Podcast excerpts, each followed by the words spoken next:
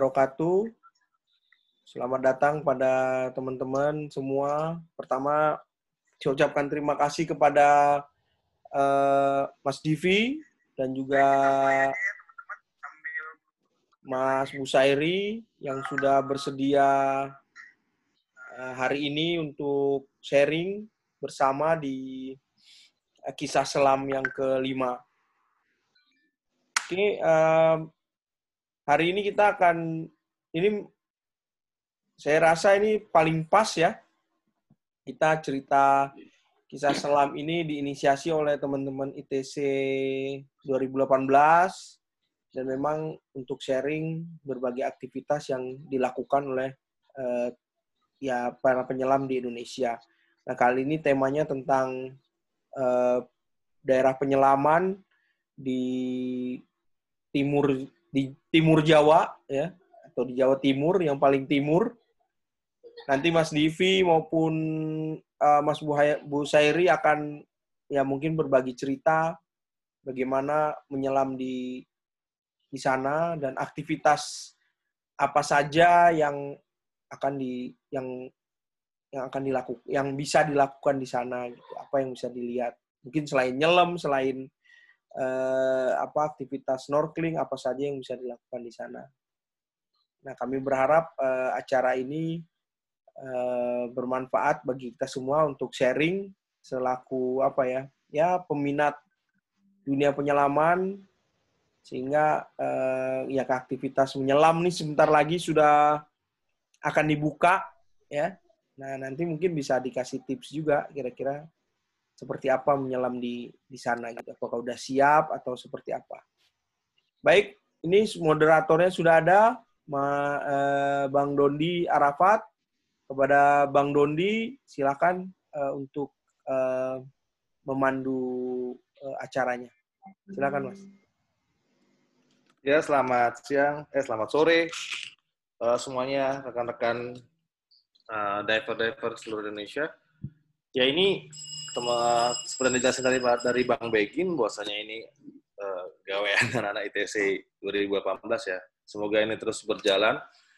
Uh, kita masuk aja ke topiknya, Bang. Uh, di sini untuk kisah selam uh, Dive 5 ini, kita ada tema nih yang akan dibawakan oleh dari Bang uh, Divi Samuel Pratama. Divi Samuel Pratama. Pratama Divi Samuel ya? Siap. Ini yang kedua.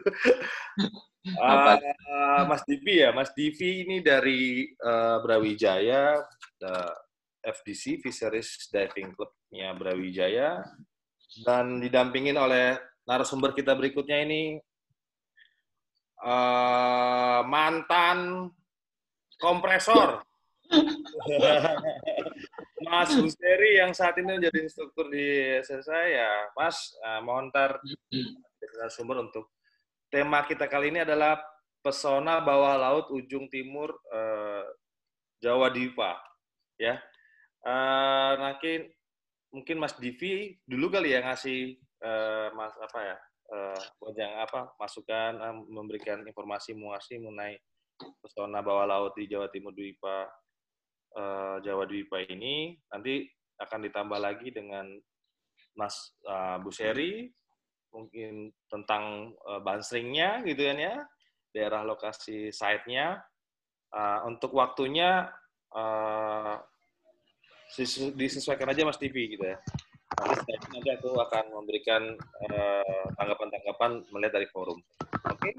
sekian dari saya Mas Divi, saya oper alih untuk pembicaraan. Terima kasih. Oke, terima kasih.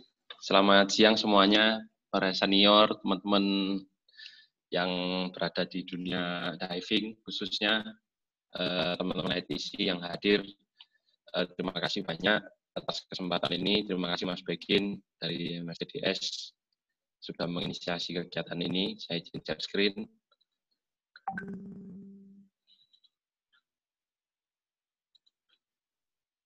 Oke. Uh, langsung saja, mungkin nanti Mas Dondi, saya sama Mas Buseri sharing bicara aja. Jadi siap, siap, tidak siap. terbagi menjadi dua sesi.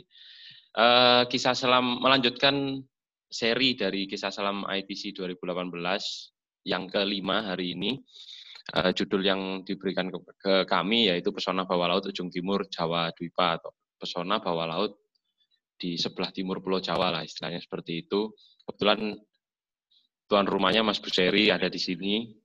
Saya juga asli Jawa Timur dan ya berkecimpung di dunia selam Jawa Timur lumayan lah sudah mulai 2006. Oke, uh, saya awali materi atau apa ya sharing ya. Saya awali sharing sore hari ini dengan satu fakta data bahwa uh, sebagian besar penduduk kita Indonesia itu bergantung ke laut khususnya ekosistem terumbu karang ya. Dan uh, saya yakin juga sebagian besar teman-teman di sini, khususnya yang berada di industri diving, ya bagian dari itu, bagian dari warga negara Indonesia yang sangat bergantung ke laut, khususnya ekosistem terumbu karang. Fakta yang kedua adalah kami di Jawa Timur itu kami menempati sisi luar batas sebelah barat dari Coral Triangle. Segitiga terumbu karang yang sangat tersohor itu, yang sangat terkenal itu, kami ada di western bordernya. Di luar batas sisi baratnya hanya dipisahkan oleh Selat Bali, yaitu posisi kami di Jawa Timur. Uh, ini adalah lokasi kami kalau teman-teman melihat secara uh, gambaran petanya.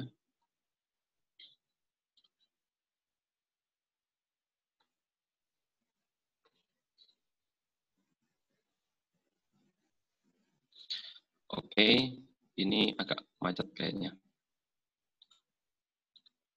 Nah, posisi kami ada di sini, Kabupaten Banyuwangi, bersebelahan dengan Bali. Eh, di utaranya kota, lokasi kami, kami punya satu pulau kecil, yaitu Pulau Tabuhan. Dan yang terlihat di kursor saya, kelihatan nggak Mas Dondi? Kelihatan, kelihatan. Oke, ini ini adalah Pulau Menjangan. Jadi kami selain dari kalau dari Bunder sering juga main ke Pulau Menjangan dan ini adalah Pulau Tabuan di depan pantai kami. Kemudian ya ini lokasi wisata Bangsering Underwater. Uh, Bunder ini kami menyebutnya semacam ya saya pribadi mungkin menyebut semacam uh, gambaran kecil lah, contoh kecil atau sebuah outlooknya pariwisata selam Jawa Timur ya hari ini ada di Bunder gitu, di Pangsering Underwater. Kami ada rumah apung, juga ada keramba apung di sana. Uh, sekilas ini adalah video kami. Saya nelayan. Laut ini yang membesarkan saya. Laut ini juga yang menghidupi saya. Sejak tiga generasi lalu, kami menggantungkan nyawa pada hasil. Dulu saya kira ikan di laut yang luas ini tidak akan habis. Masih akan cukup menghidupi. Bahkan untuk tiga generasi berikutnya.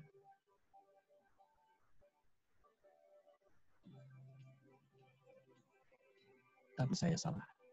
Kerakusan membuat kami lupa bahwa hidup tidak hanya untuk hari ini saja, tapi juga untuk anak cucu kami nanti jika ini terakhir yang kami ambil, tidak akan ada hari esok untuk melanjutkan hidup. Kami pasti tidak akan sanggup menanggung derita jika bumi tidak bersahabat. Saat itulah kami bersadar, ini waktunya membayar dosa terhadap alam. Dosa-dosa kami, juga dosa nenek moyang kami, yang pernah menguras laut tanpa peduli. Kami berjanji akan mengembalikan biru di laut ini, mendatangkan kembali warna-warni ikan dan ribuan terumbu karang yang pernah hilang. Sekarang saya yakin Tuhan memberikan bumi kepada manusia bukan untuk dikuras percuma. Karena merusak alam berarti merusak diri kita sendiri. Namun jika kita bisa menjaganya, alam pun akan memberi lebih. Uh, demikian gambaran atau saya menyiapkan video ini dengan satu caption. Inilah latar belakang kehidupan kami di Jawa Timur, khususnya di Bangsering. Dulunya kami adalah nelayan yang uh, destructive fishing ya. Kami nelayan yang memanfaatkan lingkungan kami, alam kami, ekosistem terumbu karang dengan cara yang merusak. Dan kemudian uh, singkat ceritanya kami sadar, lebih tepatnya disadarkan gitu. Dan saat ini kami mengambil manfaat dari uh, apa yang sudah kami lakukan. Jadi satu hal lagi yang mau saya sampaikan sebenarnya adalah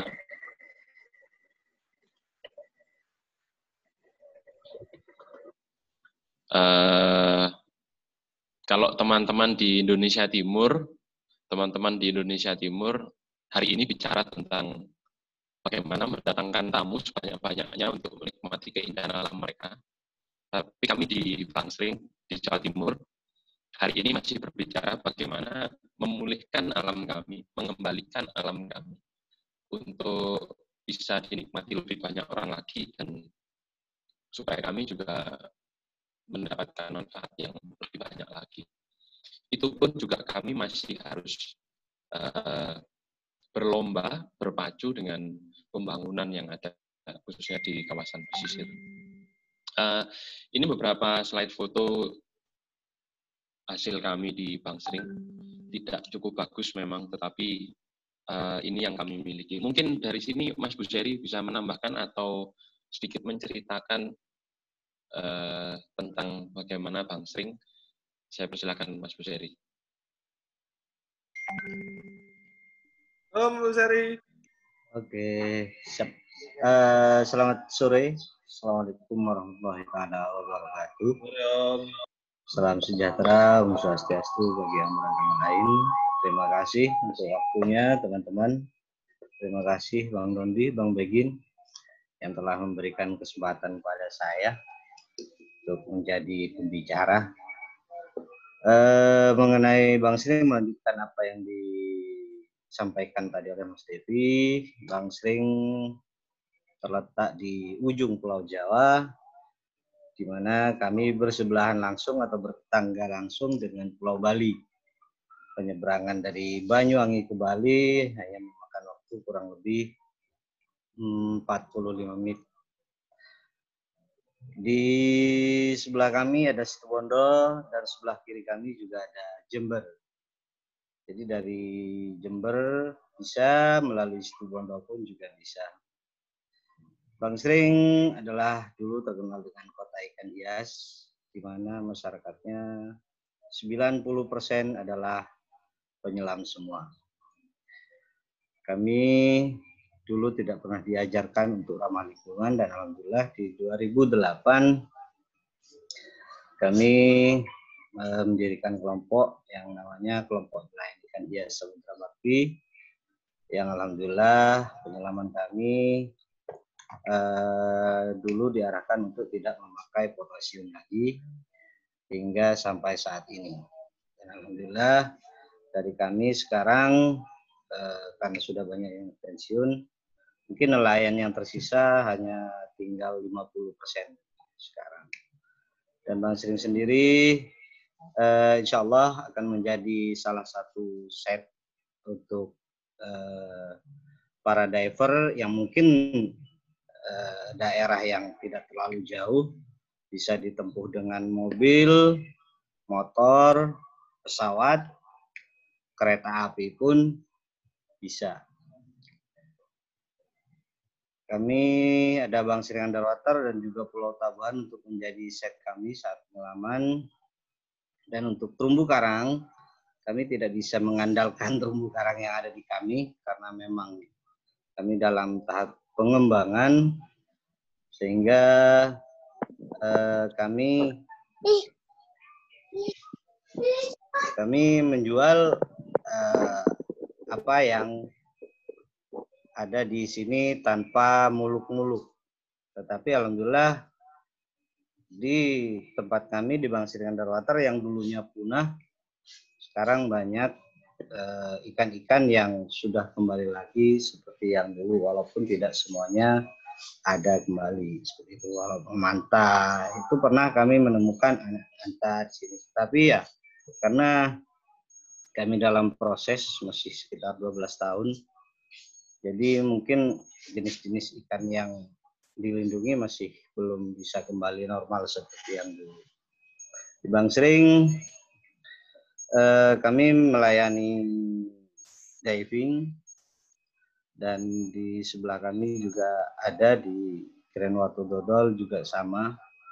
Nah, di sini ini kami sering melakukan uh, penyelaman atau sertifikasi dengan Mas Divi, satu-satunya guru saya waktu ITC yang mengajarkan tentang teknologi.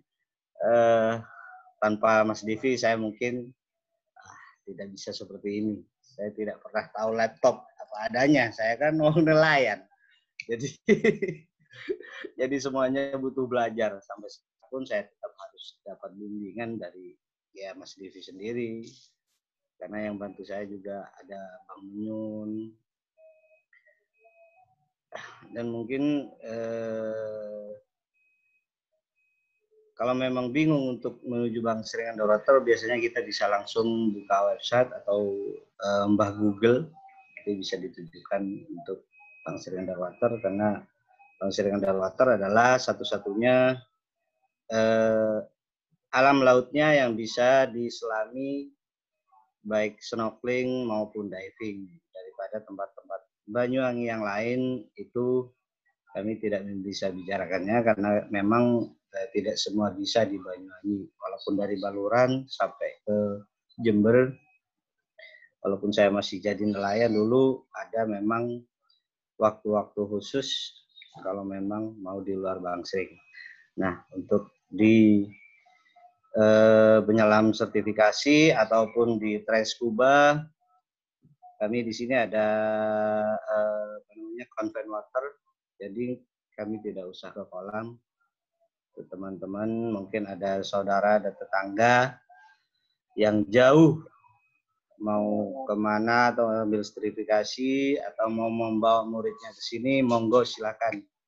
Kami siap menerima dengan senang hati tapi perlu diketahui eh, kami butuh kritik dan saran dari teman-teman diver semuanya mungkin nanti di terakhir di terakhir sesi ada masukan atau kritikan supaya kami bisa uh, bisa lebih memperbaiki apa dan kekurangan kami yang ada di sini.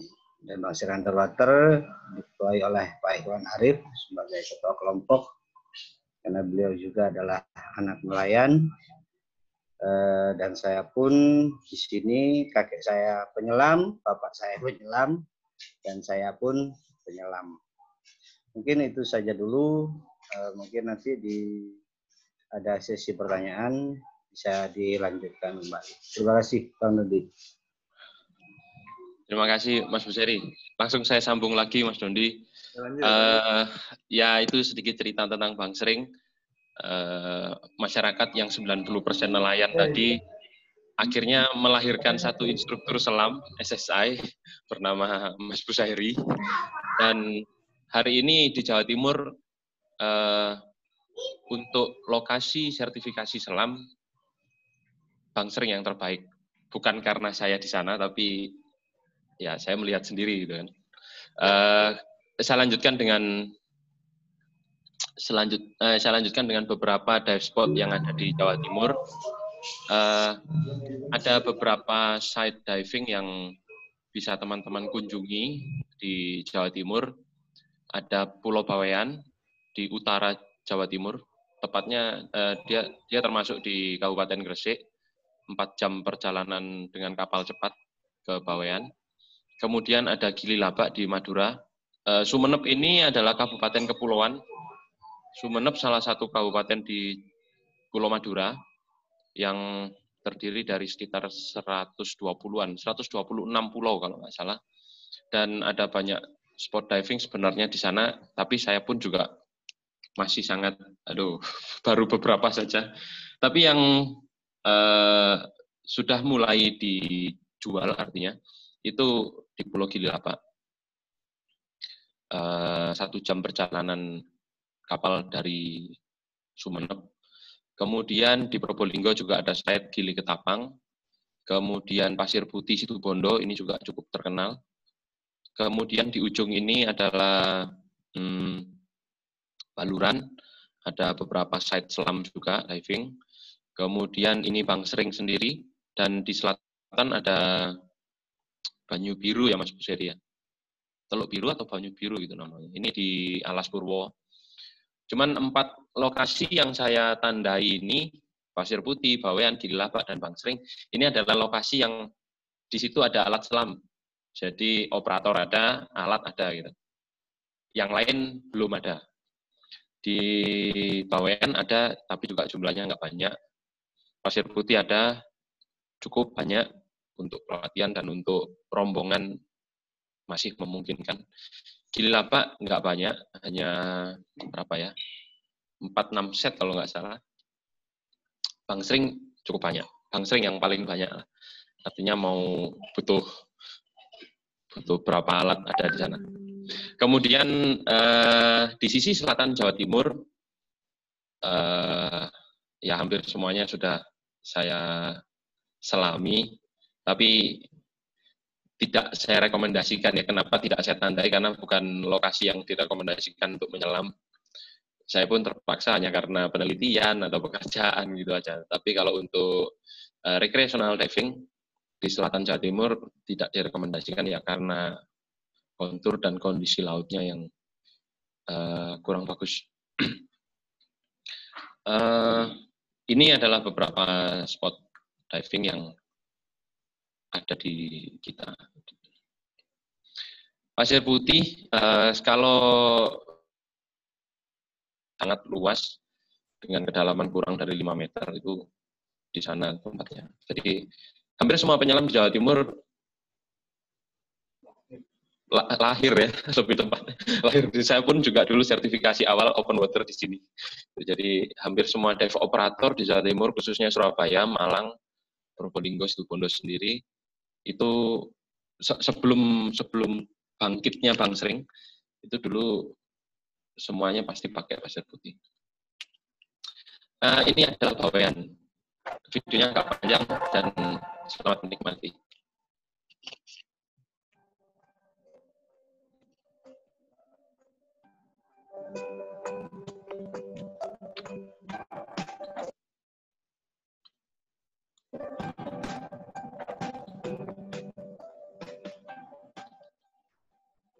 Uh, sambil uh, saya cerita sedikit. Belum banyak uh, eksplorasi yang dilakukan, khususnya bawah air, khususnya teman-teman penyelam di Jawa Timur ke Pulau Bawean ini.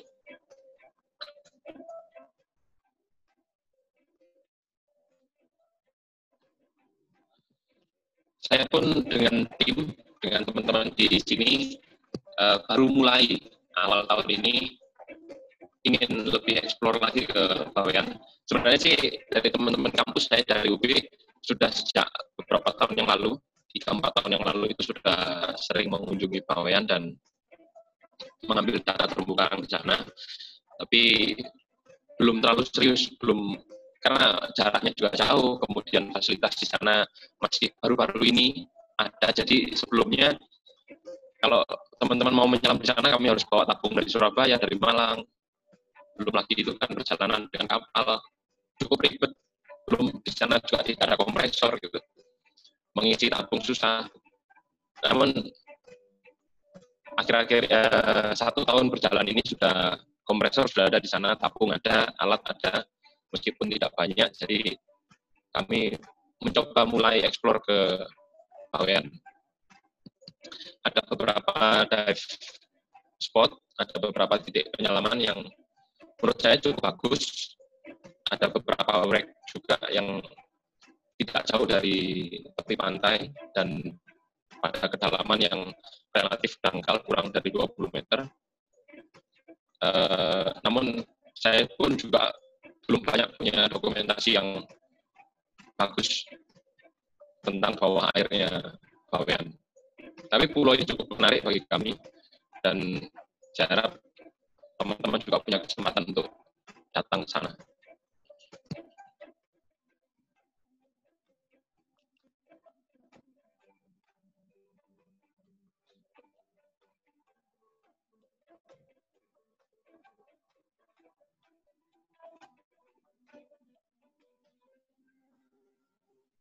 Alright. Jadi Bawean. Uh, Gila Pak, salah satu pulau kecil di Kepulauan Kabupaten Sumeneb. Uh, ini juga mulai bergerak pariwisatanya. Videonya cukup kenceng ini. Uh, ya pariwisata mulai bergerak di sana. Alat masih sedikit, kemudian uh, apa ya mereka masih masih belum terlalu fokus ke diving, masih wisata snorkeling dan wisata pantai. Ya, ini gila. Yang terakhir, oke. Okay. Saya pause dulu. Ya, mungkin itu sekilas tentang uh, bagaimana kondisi Jawa Timur, khususnya di spot-spot penyelaman khususnya di bidang industri pariwisata selam. Uh, ada tambahan mungkin Mas Buseri? Atau kita langsung habis ini diskusi gitu aja? Tanya jawab. Kita kembalikan ke Mas Dondi gitu ya? Oke, okay. ya jadi itu tadi terima kasih untuk kesempatan yang diberikan. Uh, semoga cukup jelas apa yang saya sampaikan dan ya inilah keadaan kami di Jawa Timur. Terima kasih. Ini nggak jadi nggak jadi ini, nggak jadi puter tuh. Eh, aduh, sorry. Nggak ini video promosinya Jawa Timur aja. eh, mungkin ada banyak tempat pariwisata lain lah kalau kita bicara di darat.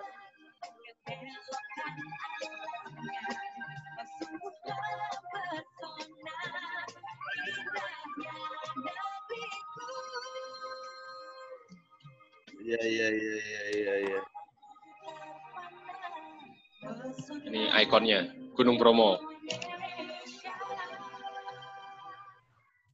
Bang Sering belum masuk itu.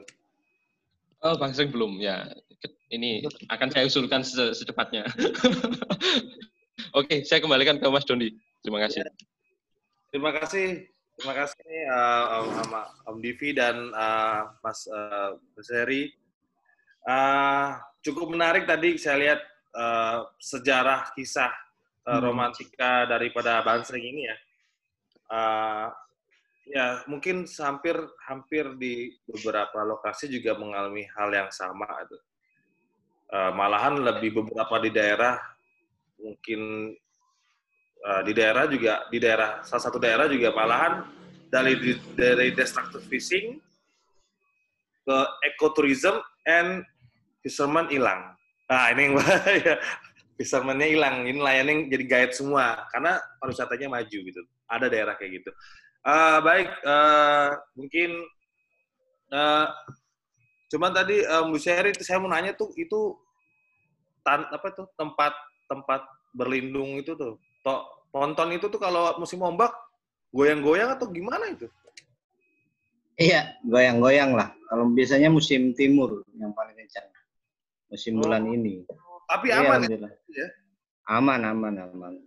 Hmm, ya, ya, ya. Aman. Oke, uh, baik mungkin dari teman-teman di forum uh, Dive 5 ini, uh, jika ada masukan ataupun uh, apa pertanyaan-pertanyaan silakan coba ditanyakan.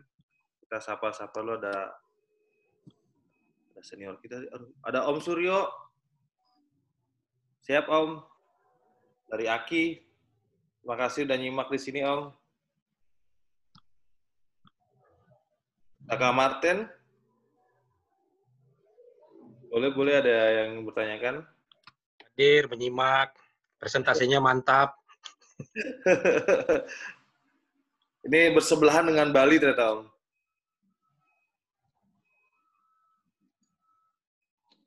Yo, Bang Martin kayaknya belum pernah tapi ke Bang Sering ini. Ya, uh, ini apa menarik banget nih sebenarnya presentasinya uh, Mas TV dengan Mas Busairi ini. Apalagi tadi sebenarnya diperkenalkan ada banyak titik penyelaman ya di Jawa Timur ternyata ya. Kalau Bansring saya udah pernah berapa kali tapi nyelam bareng Mas Busairi belum pernah tuh. Nah, itu.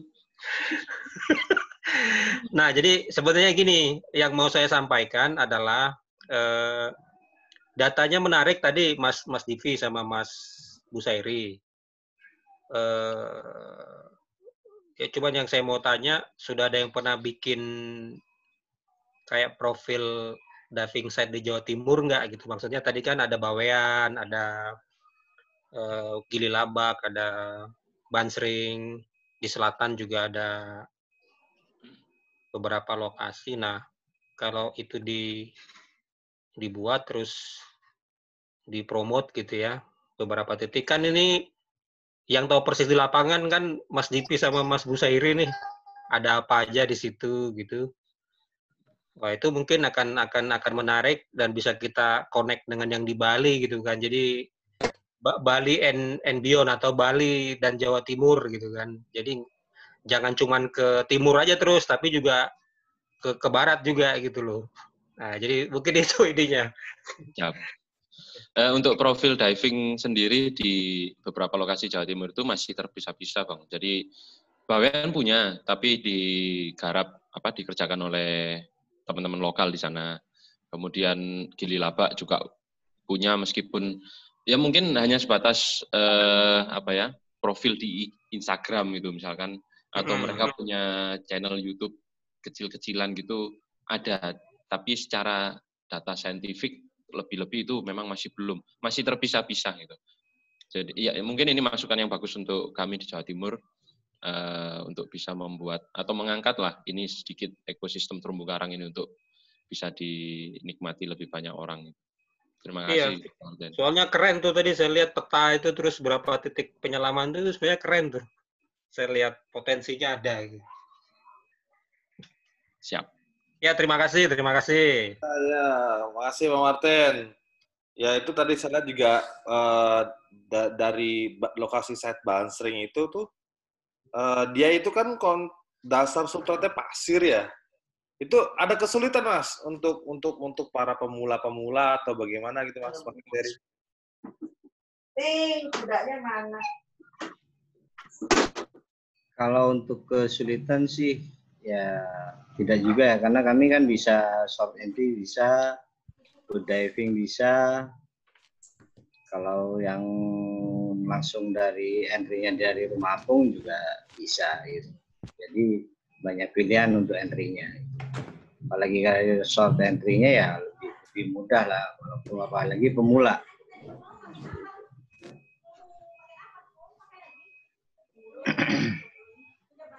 Uh, entry ataupun ini ya, maksudnya kan biasanya beberapa orang yang mungkin langsung dalam seperti itu agak agak agak khawatir gitu mas.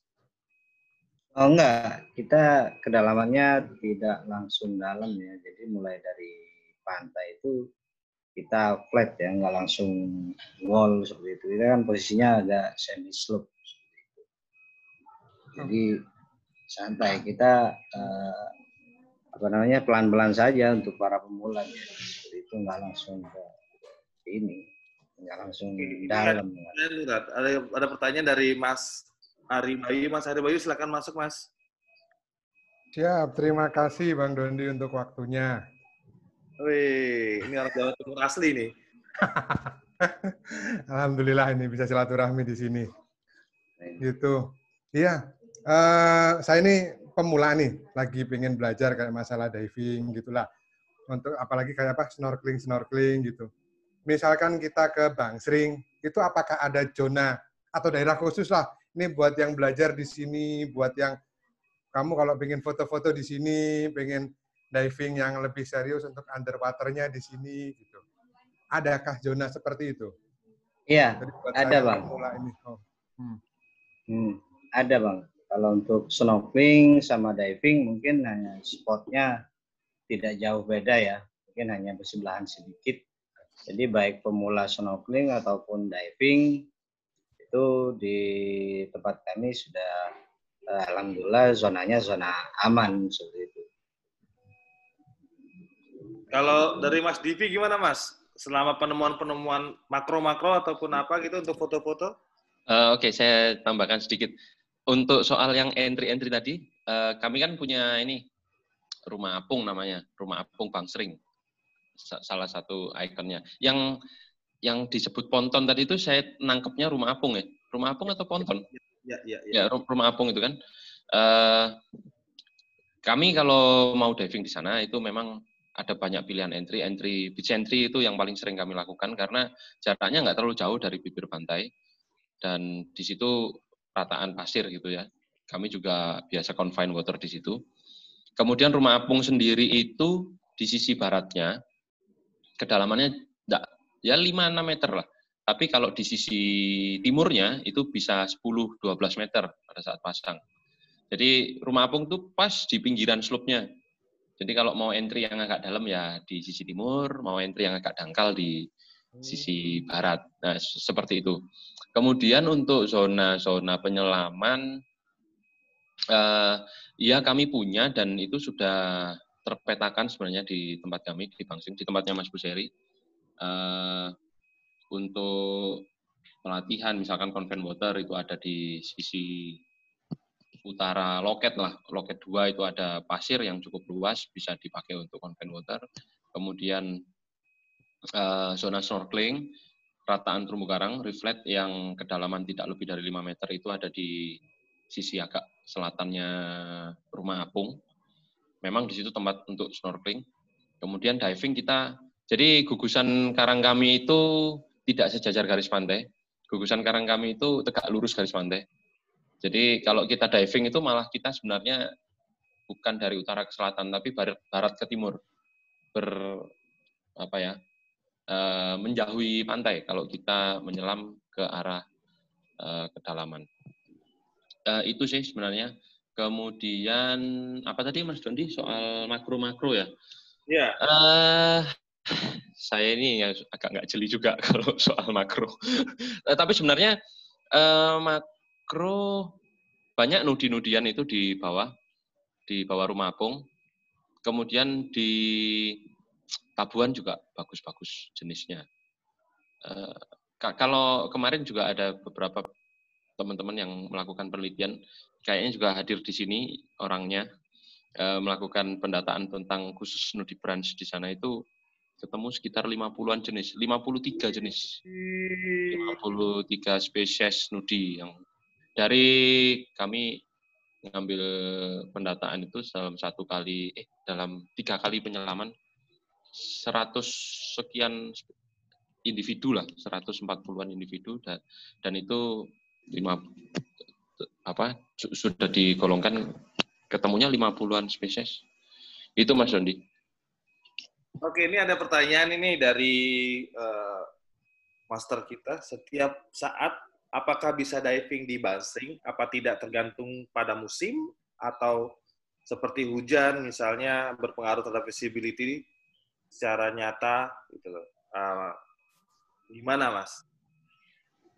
Ya, kalau musim hujan uh, tergantung ini ya kan di sebelah kami ada dua curah jadi biasanya kalau musim banjir itu baru kami tidak bisa menyelam di bangsa sendiri. Tapi kalau hanya hujan-hujan biasa, tidak ada banjir, itu biasanya kami tetap bisa menyelam. Tapi kalau memang pun eh, tidak bisa di bangsa ini, kami bisa masih ke Pulau Tabuhan atau ya mohon maaf ke Pulau Menjangan seperti itu jalan satu-satunya. Oh, tapi uh, kalau untuk kondisi kan biasanya kalau musim hujan itu ada musim anginnya juga. Hmm. Kalau untuk lautnya sendiri untuk menyeberang antara Bansen dengan Menjangan itu ataupun dengan pulau lainnya uh, masih safety atau bagaimana, Pak? Ya, kalau untuk menyeberang ke pulau lainnya atau Tabuan atau ke Menjangan masih aman walaupun musim hujan itu angin. Dan yang kalau memang tidak bisa itu kan di bulan ini saat ombak timur ini yang sulit kita untuk melakukan penyeberangan. Itu jangankan ke tengah dari pinggir aja udah besar. Tapi alhamdulillah ombak timur di sini tidak tahun ini hanya kemarin satu minggu.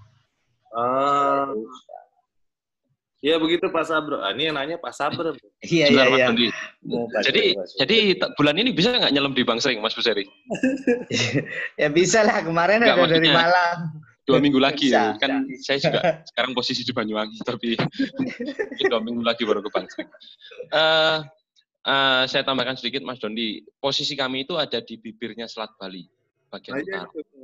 Nah jadi kadang sih arus itu cukup kencang dari utara ke selatan ataupun dari ya yang yang yang paling kencang itu kalau arus sudah dari utara ke selatan gitu Mas Buseri ya. Hmm. Uh, arus masuk ke selat itu. Uh, dan itu hanya beberapa saat aja dalam satu hari biasanya. Jadi banyak seleknya daripada arusnya kalau di sana. Kalau di lokasi uh, rumah apung di flat pasirnya itu yang untuk kita biasa convent water itu, relatif sangat aman. Jadi oh. uh, arus arus nggak nggak terlalu anu di situ, nggak terlalu terasa. Tapi ya. dari momen-momen nih ya, um, Tabu Serin, tak uh, Mas Divi, uh, paling jernih itu di sekitaran bulan apa itu untuk di Bansring dan ya Bansring lah khususnya ini ya. Mungkin Bus Pak Bus Mas Buseri yang paling lihat kan airnya. Visibility-nya ya. paling oke okay, gitu. Dari bulan 10, 10, 11, 12 itu yang paling eh, bagus lah visibility-nya ya. Misalnya seperti itu. Wah, kita di Jakarta itu udah Lontang panting itu yang ribut. Di sini nggak aman di sini. Bulan 10, 11, 12 aman. Ya. Oke, mungkin dari Om Om Riza bagaimana Om Riza? Mas Riza. Ya, halo. Apa kabar Mas Busairi, Mas Tivi? Baik, Bos. Siap. Senang bisa lihat uh, teman-teman lagi. Ya. Ya, uh, apa ya kalau dari saya, um, saya salut ya buat teman-teman uh, Mas Busairi di Bangsing itu memang bagi kita yang di dunia NGO itu uh, apa ya masyarakat lokal dalam mengelola uh, kawasan terutama ini uh, daerah laut pesisir gitu ya yang bisa dikelola oleh masyarakat sendiri itu jadi apa ya jadi poin plus gitu. Dan sering kali justru di NGO kebanyakan ini tantangan yang cukup uh, berat gitu untuk membangun masyarakat bisa mempunyai apa namanya uh, inisiatif seperti ini gitu gitu. Dan saya juga salut Mas Divi dan kawan-kawan bisa mendampingi teman-teman di Bangsring untuk uh, membangun uh, ini gitu ya. Saya uh, sempat mampir walaupun cuma beberapa jam dan uh, saya pikir itu sangat bagus. Saya salut. Walaupun memang mungkin terumbu karangnya uh, tidak terlalu banyak, tapi tapi um, ya bisa di inilah bisa bisa menjadi atraksi lain misalnya dengan adanya uh, coral transplant gitu ya. Jadi ada artificial reef yang bisa dijadikan um, alternatif gitu. Ya. Uh, bahkan anak saya juga sempat ke sana tuh barengan sama sama sekolahnya, trip sekolahnya. Hmm. Cuma nggak ketemu sama Mas, Mas Busair ya. Iya. Gitu. Dan anak saya seneng banget gitu bisa eh, jalan-jalan ke ponton, snorkeling snorkeling gitu. Gitu. Mungkin kalau saya mau tanya ini ya, um, gimana ini ini buat teman-teman yang mungkin ada ada yang belum pernah ke sana gitu ya aksesibilitas eh, misalnya teman-teman dari Jakarta eh, paling mudah eh, lewat mana terus kontak siapa supaya bisa ke sana bisa trip gitu mungkin bisa diving juga atau latihan diving itu sih makasih ya ya ya ya, ya. Uh, ya. saya coba jawab Mas Buser Mas Riza kalau nyari Mas Buser di bawah air, jangan di darat, nggak ketemu. uh, Banyuwangi secara umum, uh, ya sejak lima tahun ini kan sudah sangat pesat perkembangannya, khususnya memfasilitasi bidang atau dunia pariwisata ya. Jadi Pak Bupati ini kan agak anu uh, cukup bagus lah pembangunan di sana. Jadi moda transportasi sudah tersedia semuanya. Kalau dari Surabaya atau Jakarta pesawat ada, kemudian dari Surabaya kereta juga ada, bis juga ada, perjalanan darat juga mungkin dua tahun lagi tol sudah jadi tembus Jakarta Banyuwangi. Semoga saja semakin memperpendek waktu saya kalau dari Malang mau nyelam terus pulang lagi itu lebih enak itu kan. Jadi pesawat sudah ada Jakarta, Surabaya ada, eh, bahkan sudah buka jalur penerbangan internasional dari Malaysia kalau nggak salah Mas Besar ya. Itu ya. ada juga di Banyuwangi.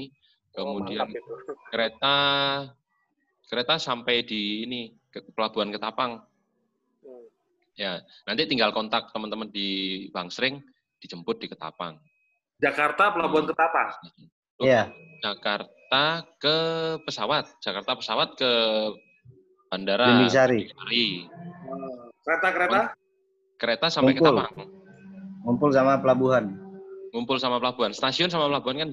Iya. Uh, nyebrang aja. Ya, saya pernah tuh naik kereta itu. Ah, ya. Banyuwangi. Kontak teman-teman di Bangsring nanti di dijemput gitu. Aksesnya kalau dari Surabaya perjalanan darat sih sekarang Surabaya Probolinggo itu kan sudah tol. Hmm. Uh, dua jam, dua jam setengah nyampe. Sebelumnya empat jam lebih. Uh, kemudian Probolinggo Banyuwangi ya sekitar empat. Hari ini masih empat lima jam. Tapi kalau Probolinggo nanti tol jadi sampai Banyuwangi ya mungkin dua jam sampai itu. Jadi Malang Banyuwangi 4 jam, jam 6 berangkat, jam 10 saya nyelam, jam 2 saya bisa pulang lagi ke Malang gitu kan. iya. Makasih ya jawabannya. Lanjut, Mas. Ya, iya, iya, iya, iya. Ya. ya ternyata nih dengan adanya ya open access nih hampir semuanya uh, bisa ditempuh dengan darat ini Jawa ini semakin dekat jadinya. Ya. Saya jadi kepikiran tadi itu gimana ini nih ya. Ini COVID ini nih mudah-mudahan nih apa solusi kalau nggak boleh naik pesawat apa kita bikin open waternya di Bansring aja ya itu. Kami tunggu bang. kalau kapal itu ke Seribu kan ketemu sama orang banyak gitu loh. Ini cari yang naik mobil, turun mobil, masuk penginapan, langsung ketemu sama guru. Ya, bagi teman-teman yang lainnya boleh masih ada waktu nih untuk uh, diskusi. Uh, ada pertanyaan yang masih apa ya menanyakan mengenai Bangsring gitu ataupun daerah sekitarnya. Gimana Bang Bek?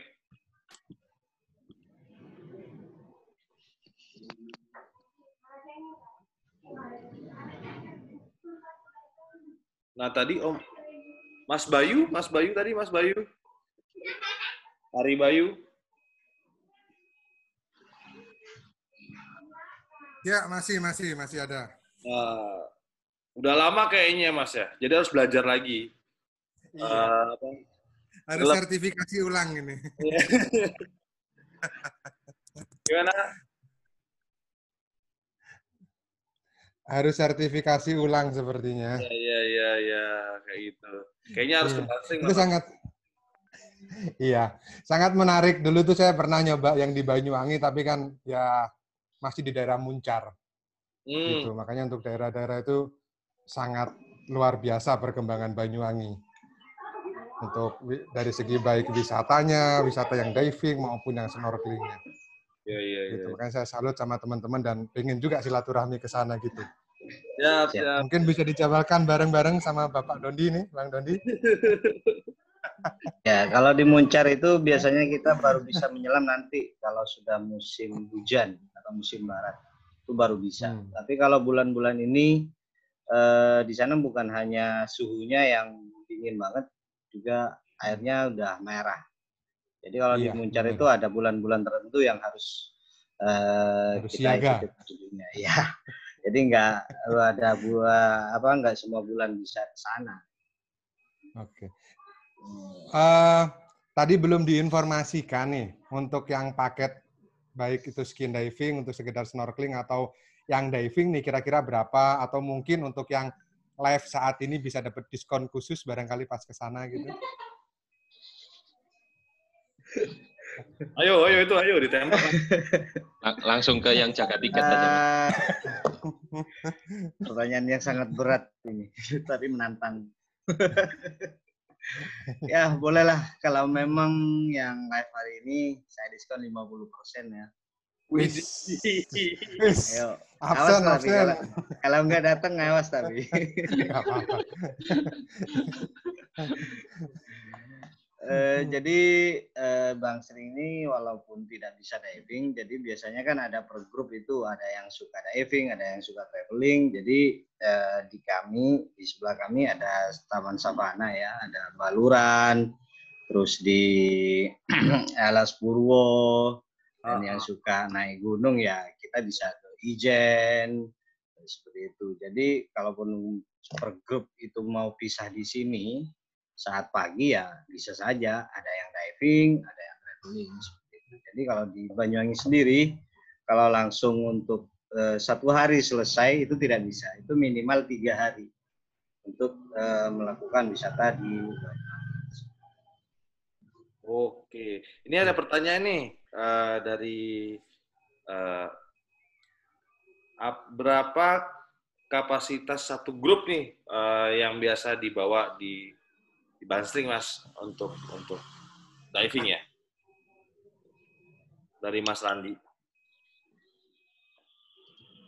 eh untuk kapasitas grup kita biasanya kan per boot atau per kapal itu kalau memang sampai ketabuhan bisa empat grup eh, maksimal lima grup. Itu kami masih bisa melayani. Selebihnya dari itu ya eh, mungkin kami harus Atur waktu. tahu Mbak. ya jadi Dengan- diatur waktunya lagi Satu grupnya itu untuk berapa orang, Mas? Eh, enam orang Oh, satu grup untuk enam orang. Hmm, Untuk kapasitas, jadi satu perahu itu ada enam orang itu. iya Alat Kayaknya, Pak, tersedianya di sana lumayan banyak. Iya, kami kan di sini udah ada Pak Ferdi di Ketapang Indah. Jadi kalau kita kekurangan peralatan ataupun tabung, kami bisa eh, menyewa di Pak Ferdi di Ketapang Indah. Di Wonder Oh, berarti Indonesia, ada- Bang ada- Yun. Ada alat penyewaan scuba diving juga di sana ya, Mas? Iya, Karena kan ada Bang ada Bang Igor yang jaga di Ketapang Indah. Oh. Tuh, Bay, aman, Bay. Kapan ke sana, Bay? Siap, ditunggu undangannya Bapak Randi. Diskonnya juga udah disiapkan kan? Diskonnya 50%, coy. Kapan lagi ke sana? Ada pertanyaan lagi nih, Pak Buseri, ma pada masa berlakunya, ada masa berlakunya enggak ini yang 50% dari Mbak Putri Nurarti? ya? Nurarti. Ya, sampai akhir Juli. Ya, Sampai akhir Juli Mbak Putri. ya. Juli kan masih tahun depan Mbak. Jangan akhir Juli dong, Pak. Sampai kapan gitu akhir tahun misal. Nanti tinggal minta surat perpanjangan, Mbak. Diurus Eh, boleh. Perpanjangannya. Nanti saya magang ke sana lagi loh daripada nggak dapet diskon.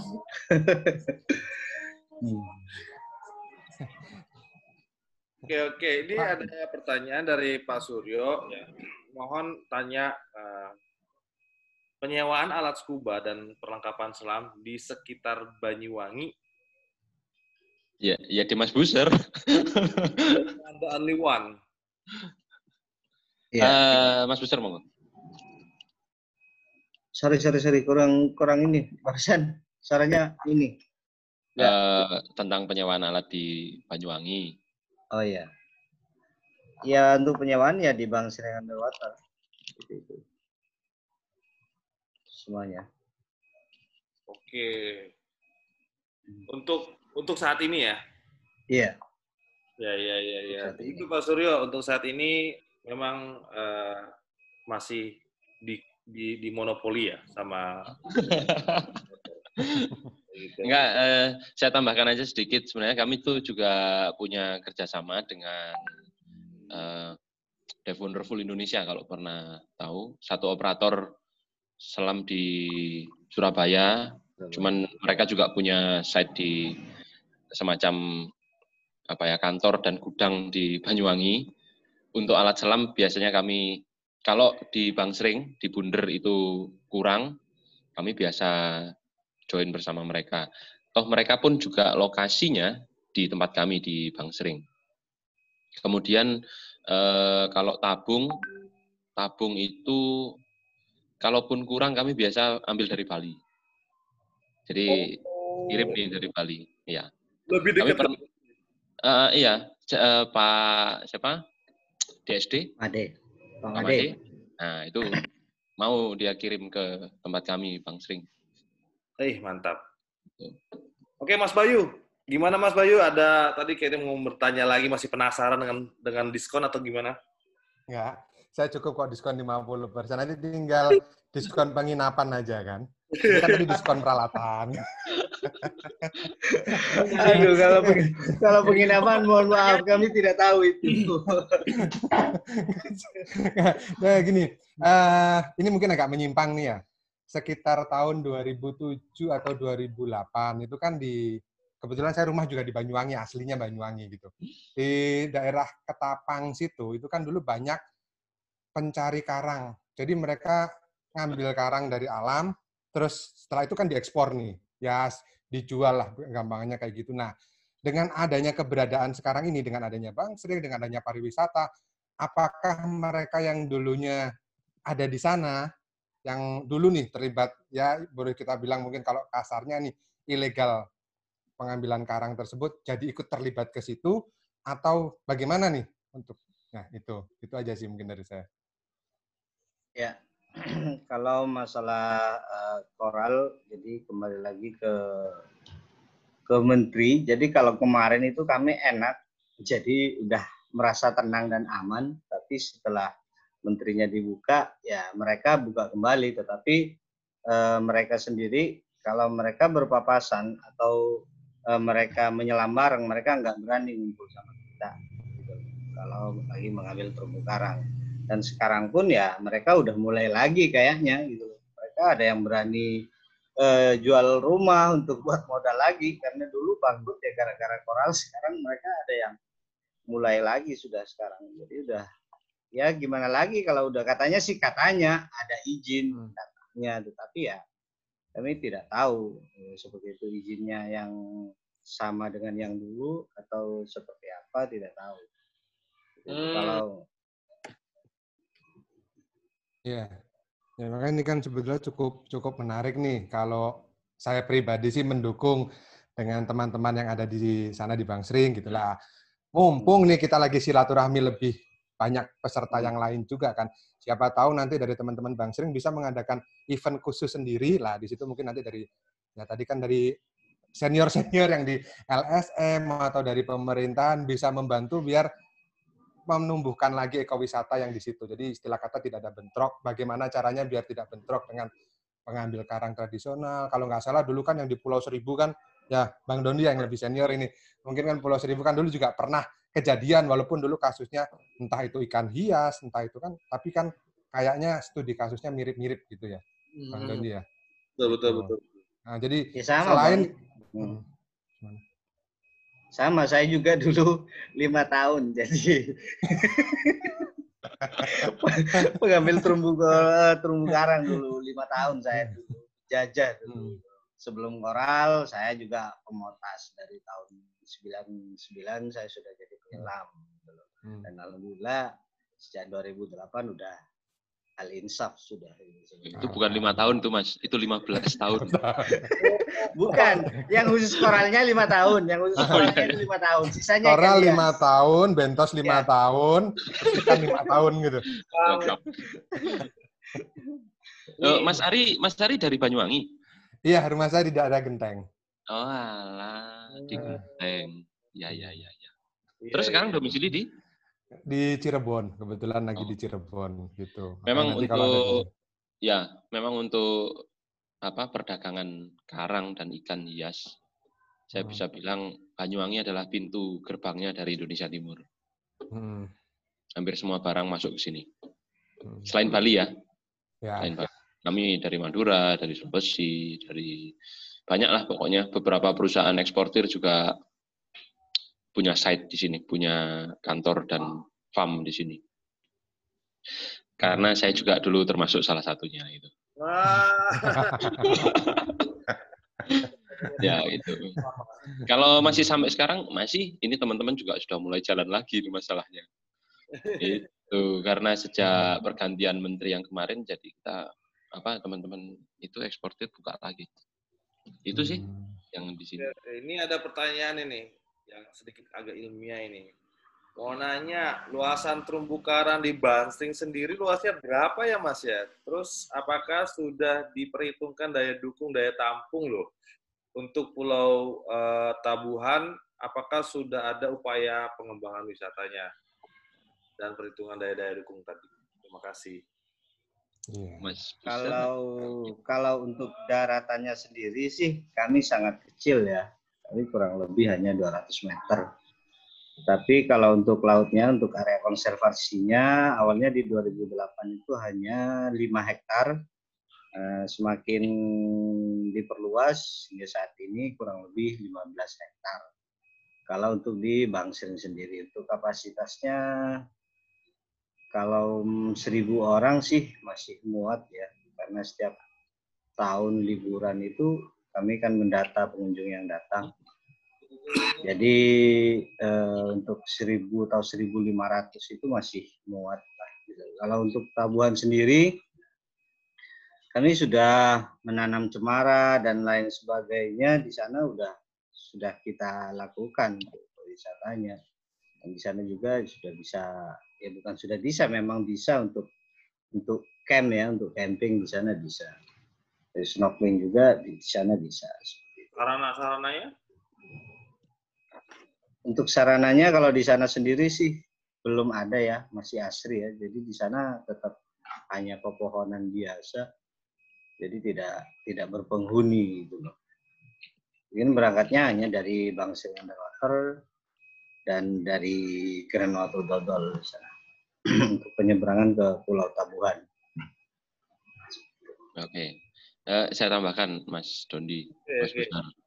Ini yang nanya soalnya Mas Bekin ini. Eh, Pertanyaan dari YouTube itu Iya, iya, iya, iya. bukan saya. Iya, jadi sebenarnya eh, di Jawa Timur itu eh, ada satu apa? Kami membina Pokmaswas. Kemudian ada dua ekowisata yang dua kelompok penggerak ekowisata yang cukup bagus berkembang di Jawa Timur. Selain Samudra Bakti di Bangsering, ada satu lagi eh, Celungup di Senang Biru.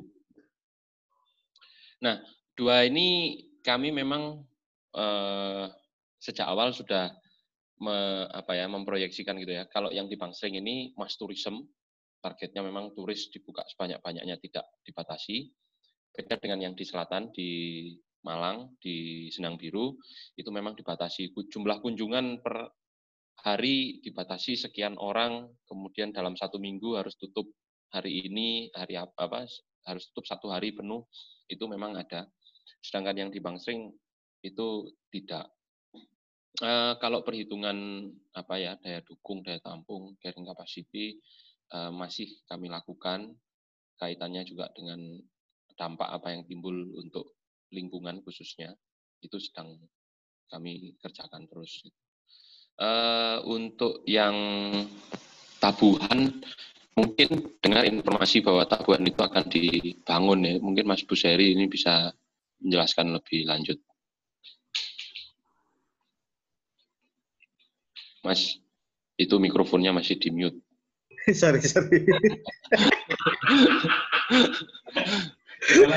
Eh, untuk Pulau Tabuhan sih eh, kemarin kita sudah mengadakan sosialisasi dengan eh, Pemda, terus ya beserta Bupati katanya itu mau disewakan ya Tetapi untuk kepastiannya kita juga belum tahu karena masih terkendala pro dan kontra. Jadi kalau untuk dibangun kita yang bangun itu masih kami untuk membangun area pulaunya itu kami masih mikir ya mau dibangun seperti apa. Tetapi kalau sudah ada izin, sampai saat ini kan belum ada izin dari Pemda sendiri untuk melakukan pengembangan yang lebih ya. Jadi yang kami lakukan hanya penanaman-penanaman cemara kita bawakan air dua hari sekali kita siram. Tapi toh kalau memang nanti tetap disewakan ya gimana lagi? Yang penting nanti masyarakat lokal tetap bisa bekerja. Oh, oke. Oke. Ya, aduh, gak terasa saya bilang 15 menit ini udah kelewat 15 menit kayaknya ini. Uh, terima kasih ini sebelumnya kepada uh, Mas Divi dan apa ini dan Bang Buseri ya. Terima kasih ya. Bang Sering juga. Terima kasih atas informasi-informasinya. Ini dari tadi uh, banyak pertanyaan-pertanyaan yang sifatnya dari mulai yang dari dari nilai pariwisatanya, dilihat dari nilai sarana kapasitas termasuk sampai ke arah diskonnya tadi gak dijelasin ya. Ingat sampai Juli Juli tahun ini atau tahun depan, Mas? Tahun inilah. Oh, tahun ini. sampai Juli tahun ini ternyata saya pikir sampai tahun depan saya langsung putar otak. uh, uh, terima kasih juga atas masukannya dari uh, Om Bayu. Di sini saya lihat saya sapa-sapa dulu nih. Gufron ini nih, Gufron Pak Gufron ya? Ada Mas uh, Mas Riza, halo uh, Mas Suryo dan teman-teman ITC lainnya yang sudah bergabung. Uh, terima kasih. Uh, saya kembalikan lagi nih uh, host ini ke Om Begin. Om Begin. Baik, terima kasih. Alhamdulillah kita udah selesai. Terima kasih. Ini kita benar-benar dapat apa informasi baru tentang uh, kegiatan penyelaman di Jawa Timur ya langsung dari ya kalau dari search di Google di internet itu udah banyak tapi kita kan dapat informasi secara langsung dari pengelolanya ya dari teman-teman uh, yang berkiprah langsung di Jawa Timur gitu. Jadi terima kasih kepada Mas Divi, Mas Buseri, atas kesediaannya untuk sharing hari ini. Terima kasih juga buat teman-teman semua di sini ada tadi Bang Marten, ada Rian juga, Rian Gombong nih di Bali ya, Mas Riza, ada Pak Indra di Padang ya, lalu Bayu tadi, dan ada teman-teman yang lain yang tidak bisa saya sebutkan satu-satu. Uh, ya, uh, saya rasa mudah-mudahan ini kita mendapatkan wawasan baru dan insya Allah ya teman-teman di Bang Sering ini siap ya dengan suasana new normal. Uh, apa ini menjadi alternatif apa ya tempat penyelaman yang utama nih kalau menurut saya gitu karena memang di, bisa dijangkau dengan darat gitu ya dan tidak apa ya nggak ribet lah kan kalau di darat ya tinggal pakai kendaraan umum atau mobil atau bis gitu bisa sampai di sana gitu. Nah, mudah-mudahan wisata selam ini cepat segera bangkit dan bisa berjalan dari apa? dari normal ke new normal. Eh, dari new normal menjadi normal lagi gitu. Baik dari kami eh, selaku eh, apa ya, tuan rumah ini cukup sampai di sini untuk uh, obrolan sekarang. Saya akhiri. Assalamualaikum warahmatullahi wabarakatuh.